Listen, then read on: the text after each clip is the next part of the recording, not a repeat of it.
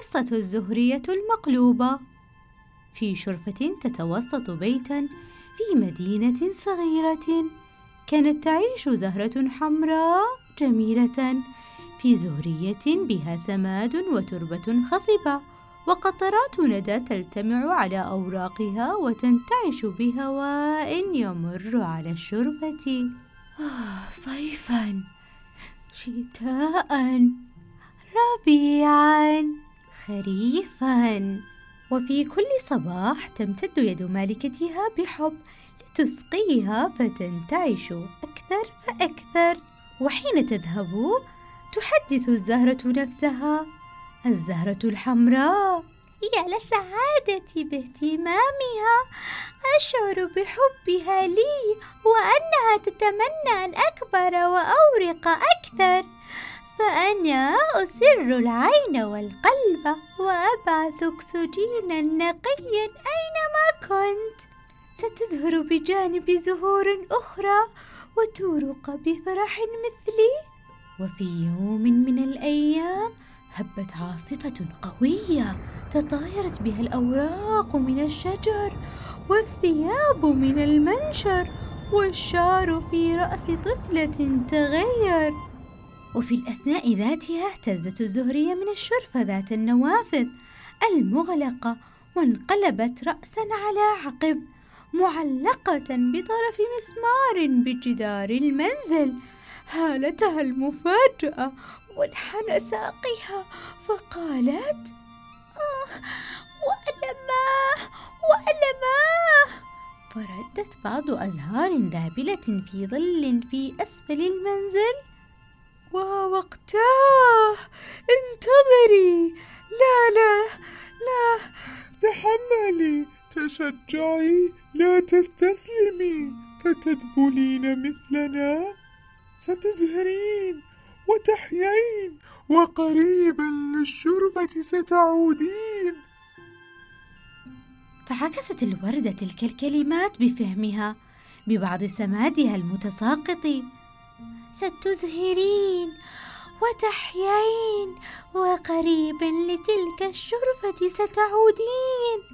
فرحت الزهور الذابلة بكلمات الزهرة الحمراء المتساقطة على بعض سمادها الظاهر فظلت سامدة متماسكة بجذورها القوية وكلما هبت الريح تمسكت أكثر.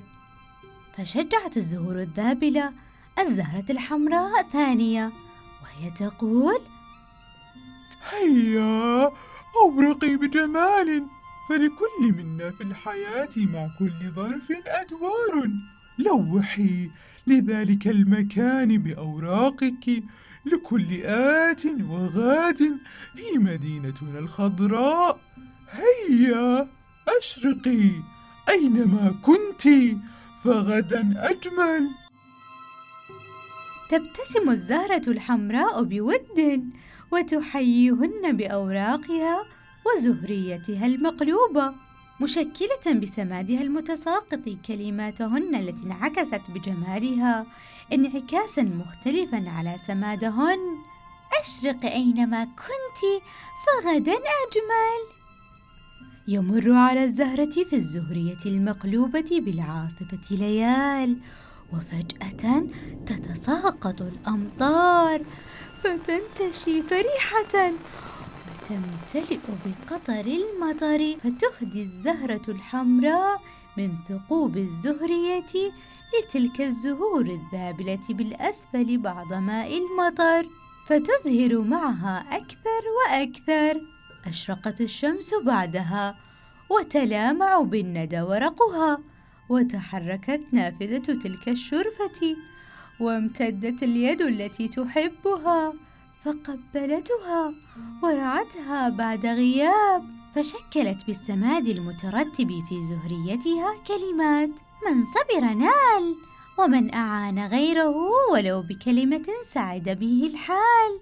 من صبر نال. أطلت صاحبة الزهرية وهي تسقيها ذات صباح في أسفل الشرفة.